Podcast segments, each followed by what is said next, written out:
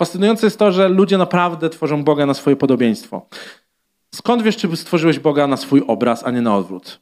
Taki Bóg zgadza się z tobą we wszystkim. Jeżeli stworzyłeś Boga na swoje podobieństwo, to znaczy, że Bóg zgadza się z tobą we wszystkim. Grzeszysz? Bóg się z tym zgadza. Jesteś skąpy? Bóg się z tym zgadza. Wyzywasz swoją żonę?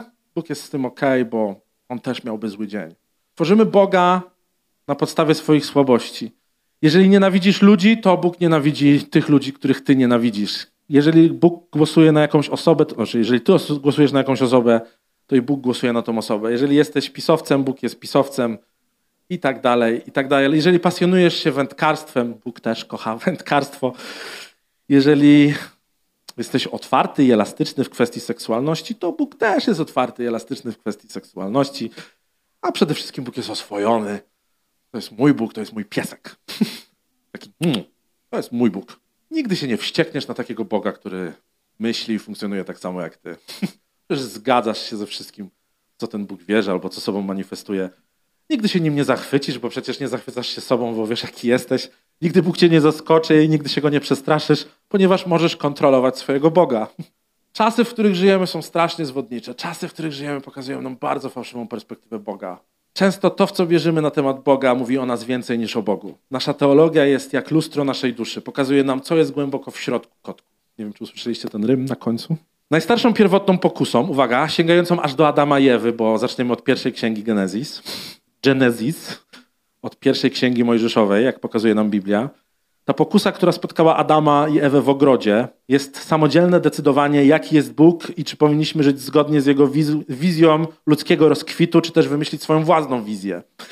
Wszyscy wiemy, będziemy podobni do Boga, będziemy znać dobro i zło. Taka była perspektywa tego, żeby nie jedli jednak z drzewa poznania dobra i zła. To jest to, co Bóg poprosił ich, żeby nie robili jednej rzeczy. Mają wszystko, ale żeby nie robili jednej rzeczy, żebyście nie zjedli z drzewa poznania dobra i zła, bo ja jako Bóg wiem, co to znaczy.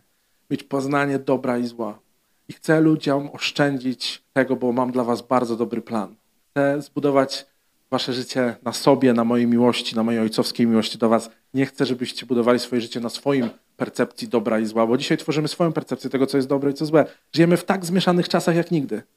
Każdy jest Bogiem dla siebie, każdy tworzy swoją perspektywę moralności. Każdy może mówić, to jest dobre dla mnie, więc to jest dobre dla innych, a jeżeli nie jest dobre dla innych, to ewentualnie mogę to tolerować, ale i tak będę skrycie nienawidzić tą osobę, która się nie zgadza ze mną. We współczesnym świecie zaczynamy od założenia, że wiemy, jaki jest Bóg, a następnie osądzamy każdą inną religię, kościół, kazanie albo księgę w Biblii na podstawie naszego poglądu Boga. Pisarze Pisma Świętego podchodzą do tego tematu zupełnie na odwrót. Jak czytam Biblię, Stary i Nowy Testament, jak czytam Ewangelie, z których nauczamy w tym kościele od siedmiu lat, albo Kościół w ogóle naucza od dwóch tysięcy lat, ze Starego Testamentu, a potem z Ewangelii, jak spojrzymy na perspektywę Biblii, chcę, żebyście to zapamiętali. W ogóle możecie teraz wyjąć telefon, jeżeli macie Instagrama, jesteście influencerami, storiski, możecie teraz nagrać tą część kazania, zrobić sobie 15 sekund, bo to jest bardzo ważne, możecie ją potem wrzucić. Zrobimy taką reklamę manifestu i kazania. Nikt się nie, wszyscy się wstydzą, możecie to naprawdę zrobić. To jest yy, jakby spoko. Nie ma w ogóle teraz yy, kpiny. Pisarze Pisma Świętego podchodzą do percepcji Boga na odwrót. Od Mojżesza aż do Ewangelii Mateusza pisarze po prostu zakładają, że nie mamy pojęcia, jaki jest Bóg. W rzeczywistości wiele z tego, co myślimy o Bogu, jest całkowicie nieuzasadnione. Jest fanaberią, jest stereotypem. Jeśli historia czegoś nas uczy, to tego, że większość ludzi się myli. Wow. I nie myśl, że jesteś religijny, a nawet jeżeli jesteś chrześcijaninem, wiesz wszystko na temat Boga, jesteś wolny od haczyków. Jezus, uwaga, teraz najważniejsza rzecz. Co Jezus zrobił, kiedy przyszedł? To jest w ogóle super motywacja dla nas na dzisiaj, na niedzielę. Jezus, słuchajcie, przyszedł na ten świat i poświęcił większość swojego czasu na pomaganie ludziom religijnym dostrzec wiele z tego, co myślą o Bogu, jako błędne. Jezus przyszedł i w swoim trzyletnim nauczaniu na ziemi używał takich zwrotów jak słyszeliście, że mówiono, ale ja wam mówię. To jest w ogóle jedno z najczęstszych logiów, czyli zwrotów, które Jezus używa w Ewangeliach. Słyszeliście, że mówiono to o Bogu, ale ja wam mówię zupełnie coś innego. I ludzie byli, co? Całe życie źle wierzyłem na temat Boga? Jezu, kim ty jesteś? Potem wyszło na to, że on jest synem Boga, że on jest Mesjaszem, że on jest tym obiecanym, który traktuje Boga jak ojca, więc jest jego synem i ma z nim relację, więc on rozumie, kim jest naprawdę Bóg. Jezus zaczynał swoje nauczania mówiąc, Królestwo Boże jest jak? I zaskakiwał ludzi. Zaskakiwał ludzi, bo zmieniał nomenklaturę tego, czym jest Królestwo Boże. Mówił o tym, że Królestwo Boże jest dostępne. Mówił o tym, że Królestwo Boże jest w nas. Mówił o tym, że Królestwo Boże jest dla ciebie i dla mnie, że możemy reprezentować Boga, który jest Bogiem Biblii, faktycznie Bogiem Biblii, tu i teraz. I ta prezentacja radykalnie odbiegała od tego, jak myśleli ludzie w jego czasach. Dla Jezusa i wszystkich pisarzy Pisma Świętego punktem wyjścia dla całej teologii jest uświadomienie sobie, że nie wiemy, jaki jest Bóg. Powtórzmy na głos. Nie wiemy, jaki jest Bóg. Trzy, cztery. Ale możemy się tego nauczyć. Ale żeby się tego nauczyć, musimy sięgnąć do źródła. Nie możesz sięgnąć do swojego serca. Biblia mówi, że twoje serce jest złe. Follow your heart to jest najgorsza rzecz, jaka się przytrafiła ludzkości. Nie możesz follow your heart. Biblia nam mówi dosadnie, twoje serce jest zgubione, jesteś grzeszny. Twoje serce zawsze będzie myślało egoistycznie o swoim własnym tyłku. Twoje serce zawsze będzie myślało o tym, co jest wygodne, co jest dobre dla ciebie. Twoja dobroć, twoja moralność zbudowana na przykładzie innych może cię ukształtować, możesz mieć współczucie, możesz mieć empatię, ale twoje serce, serce jest egoistyczne, serce nie jest rzeczą do naśladowania. Źródło, o którym mówię, którym jest Pismo Święte, jest wzorem do naśladowania. Jest tym, co ukształtuje nasze myślenie o Bogu. Pismo Święte to przede wszystkim opowieść, ok? To nie jest spis reguł. Pismo Święte to nie jest po prostu, wiecie, wytyczna. Pismo Święte to jest opowieść o Bogu, który kocha człowieka, o Bogu, który się przedstawia człowiekowi, pokazuje mu, jaki jest naprawdę. Jest to opowieść o Bogu, która jest pełna zaskoczeń, bo jest to opowieść o nas, kiedy przeglądamy się w oczach Boga, o tym, jak iść do przodu w życiu z Bogiem. To nie jest opowieść o tym, jak na przykład uprawiać świetny seks. To nie jest opowieść o tym, jak zwiększyć nasze portfolio finansowe albo po prostu być szczęśliwym. To jest opowieść o podróży człowieka razem z Bogiem. To jest niesamowite. Jeżeli dzisiaj robiłbym stand-up, robiłbym stand-up na podstawie tego, jak mogę iść za Bogiem. Jeżeli śpiewałbym piosenki, a ładnie śpiewam, co może potwierdzić kilku muzyków w tej sali, chciałbym bardzo wydać swoją płytę, to śpiewałbym o Bogu, którego chcę poznać w Piśmie Świętym. W Biblii jest wiele zasad sukcesu, ale szczerze mówiąc, nie chodzi mi o takie historie sukcesu. Jeśli rozebrać Biblię do sedna, jest to opowieść o Bogu, o tym, jak my mamy jako ludzie odnosić się do Boga. Teraz przejdziemy do wersetu, który zakończy to kazanie.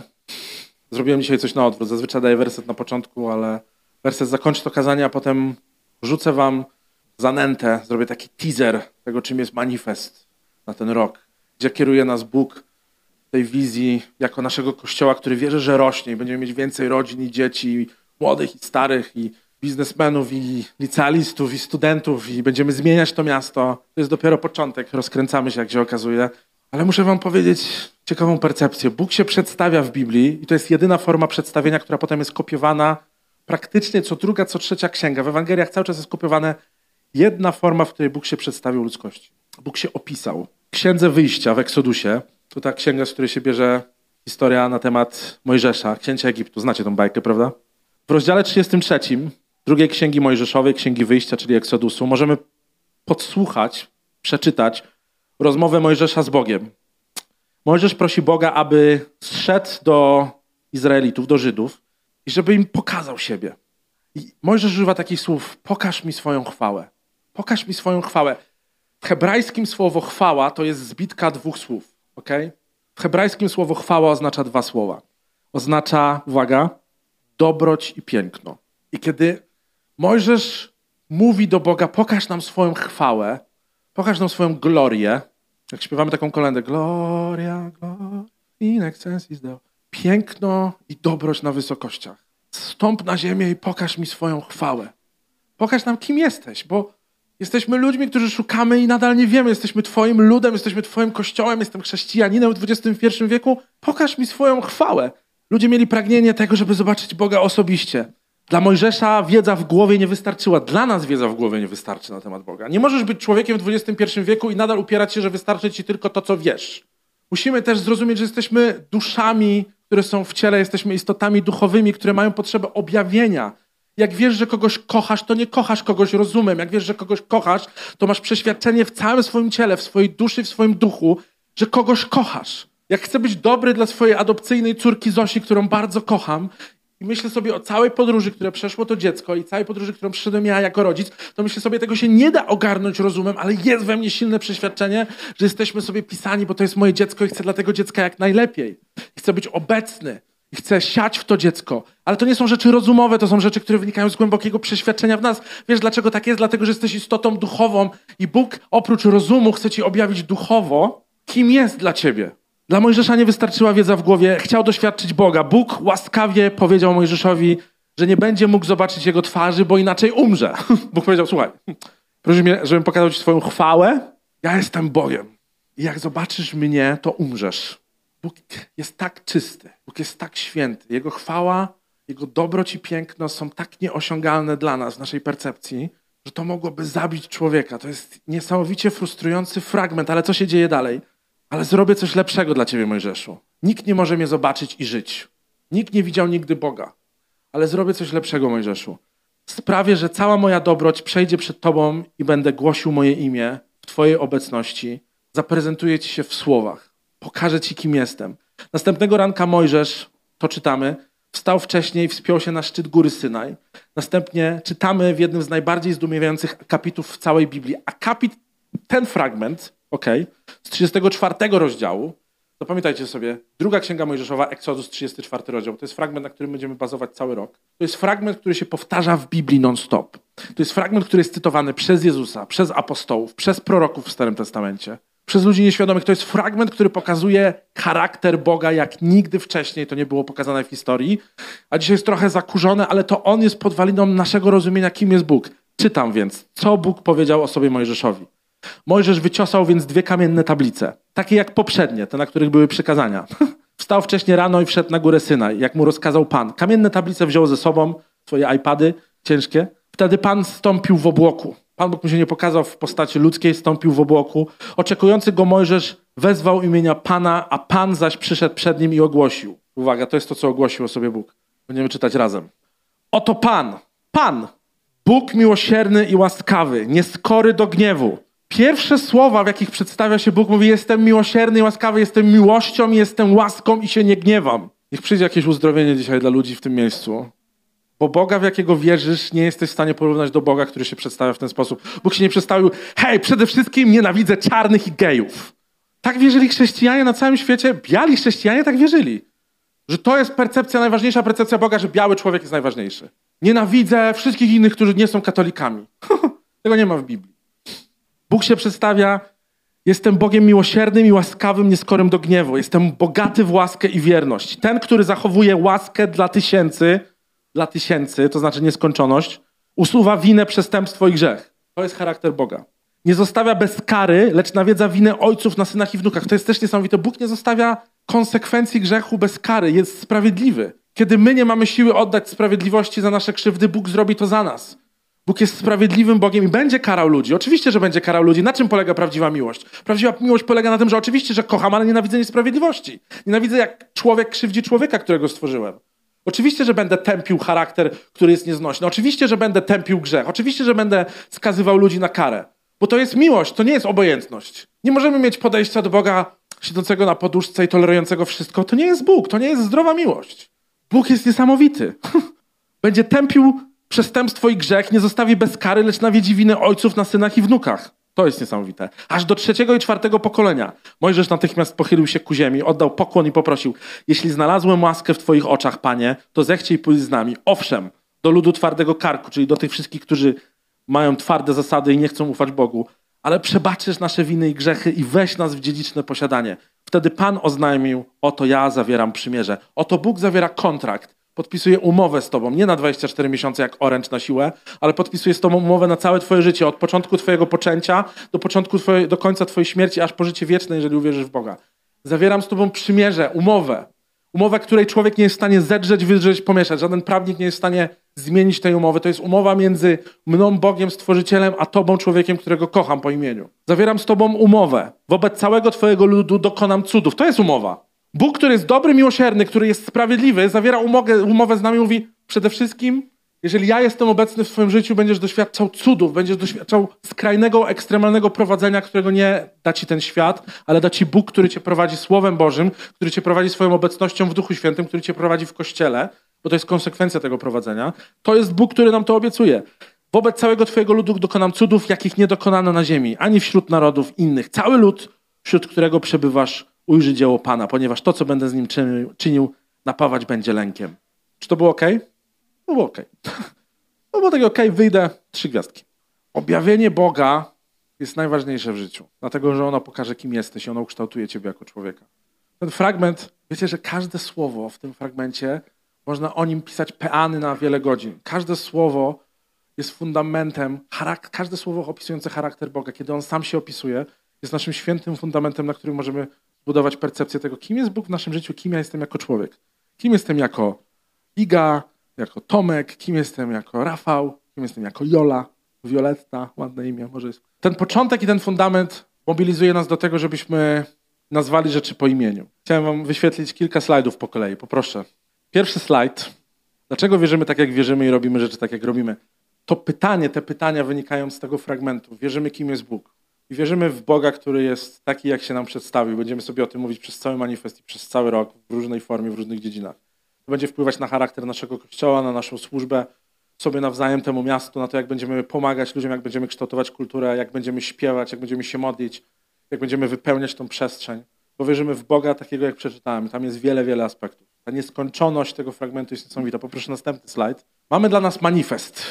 Manifest, który nie jest manifestem na miesiąc, to jest manifest, który definiuje gdzieś naszą podróż z Bogiem na najbliższe lata. Manifest, jak wierzę, czyli to, co ogłaszamy, to, co wykrzykujemy z pewnością prosto z naszego serca i prosto z naszego przekonania, definiuje naszą wizję, to, jak widzimy swoje życie i siebie. Wizja definiuje naszą kulturę, to, jak obcujemy ze sobą, to, jak robimy rzeczy, to, jak naśladujemy rzeczy, to, jak naśladujemy Boga. Wiesz, że możemy stworzyć Bożą kulturę? Wiesz, że możemy stworzyć kulturę, która będzie zachęcać ludzi do tego, że wow, słyszałem o chrześcijanach, słyszałem o Jezusie, ale nie wiedziałem, że ich kultura jest taka zarąbista, że po prostu chce się być wśród tych ludzi.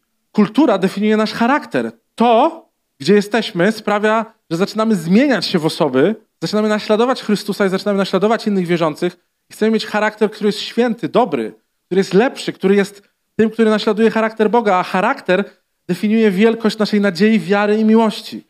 Dlatego, że jesteśmy powołani do naszej nadziei, wiary i miłości. Jesteśmy ludźmi nadziei, jesteśmy ludźmi wiary, jesteśmy ludźmi ekstremalnej miłości, zdrowej miłości. Poproszę dalej. Jest taki cytat. Napisałem go sam. Nie cytuję nikogo, cytuję siebie. Wielkie kościoły w historii nie były budynkami zapierającymi dech w piersiach. Wielkie kościoły były wspólnotami ludzi, których Chrystus zbawiał, powoływał i kształtował, po to, by dawali nowy oddech światu wokół nich. Wielkie kościoły to nie wielkie budynki, nie bazyliki, nie wielkie konglomeracje. Wielkie kościoły to te, które duchowo zmieniają rzeczywistość i które sprawiają, że ludzie wracają do domu i ludzie znajdują sens życia i łapią nowy oddech w świecie, w którym ten oddech stracili. Z tych trzech rzeczy, zbawienia, powoływania i kształtowania, są trzy rzeczy, które będą fundamentem naszej kultury w Kościele, które będą się przewijać przez wszystko. Więcej dowiecie się na Team Nightach i w ciągu miesiąca, ale dzisiaj muszę zrobić wam teaser. Proszę bardzo. Następny fragment jest taki. W Life Church Warsaw wierzymy, że Chrystus nas... Jeszcze raz powtórzymy to wszyscy. To może powtórzmy cały ten początek. Trzy, cztery. W Life Church Warsaw wierzymy, że Chrystus nas zbawia. Jezus daje nam się poznać, żebyśmy mogli w Niego uwierzyć dać się ochrzcić i przyjąć osobę Ducha Świętego. Więcej o tym we wtorek. Dalej. W Life Church wierzymy, że Chrystus nas? Dokładnie. Możemy znaleźć duchowy dom w naszym kościele, być zaakceptowanym i przynależeć do wspólnoty, w której Bóg przez swoją obecność pokazuje nam nasze powołanie, czyli sfery, do których chce nas aktywnie posłać. Nie możemy być randomowymi ludzikami, którzy siedzą na krześle i po prostu tylko żyją niedzielą. Bóg cię aktywnie powołuje. Trzeci aspekt. W Life Church wierzymy, że Chrystus nas powinniśmy być pełni pasji studentami Jezusa. Piękne słowa. Dzisiaj ty możesz zostać studentem Jezusa. Zapraszam cię na Uniwersytet Jezusa, którym jest życie chrześcijańskie w Life Church Warsaw. Wzrastać w charakterze i swojej żywej wierze, nowej tożsamości w Bogu i aktywnym powołaniu i hojności. Ostatni slajd. Manifest. Bo to jest nasz manifest. To jest nasz manifest. To jest coś, do czego będziemy wracać. To jest coś, co będziemy mówić, coś będzie, coś, co będzie w nas tak wpojone, że będziemy wierzyć w to, ej, ja wiem, dlaczego jestem w Kościele, wiem, dlaczego wierzę tak, jak wierzę i wiem, dlaczego Bóg robi rzeczy tak, jak robi i dlaczego ja robię rzeczy tak, jak robię. W swoim życiu, w swoim małżeństwie, w swojej szkole, w swojej pracy, w swojej karierze zawodowej, w swoim pomnażaniu finansów, w swojej relacji z żoną, w swojej relacji z dziećmi. To jest aspekt uniwersalny naszego życia. Musimy zrozumieć, że to nie jest tylko Kościół. Kościół nie powinien cię interesować dlatego, że jest Kościołem. Kościół cię powinien interesować dlatego, że Bóg mówi do całego twojego życia i w każdej dziedzinie możesz być owocny i posłuszny Bogu i w każdej dziedzinie możesz zmieniać życie na lepsze. Ja nie mówię dzisiaj tylko do bywalców Kościoła, mówię też do ludzi, którzy są w swoim świecie, którzy mają swoje prace, swoje rodziny, swoje plany na przyszłość, swoje marzenia. I mówię o was do tym, że potrzebujecie manifestu, wizji, która da wam konkretną kulturę, kulturę, która stworzy konkretny charakter i charakter, który da wam niesamowitą nadzieję, wiarę i miłość w waszym życiu, a to wszystko zbudowane na Jezusie. Mamy nadzieję, że ten odcinek Cię zainspirował. Nowe odcinki ukazują się co tydzień. Pamiętaj, że możesz odwiedzić nas w każdą niedzielę, a więcej informacji o naszym kościele znajdziesz na livechurchwarsaw.com.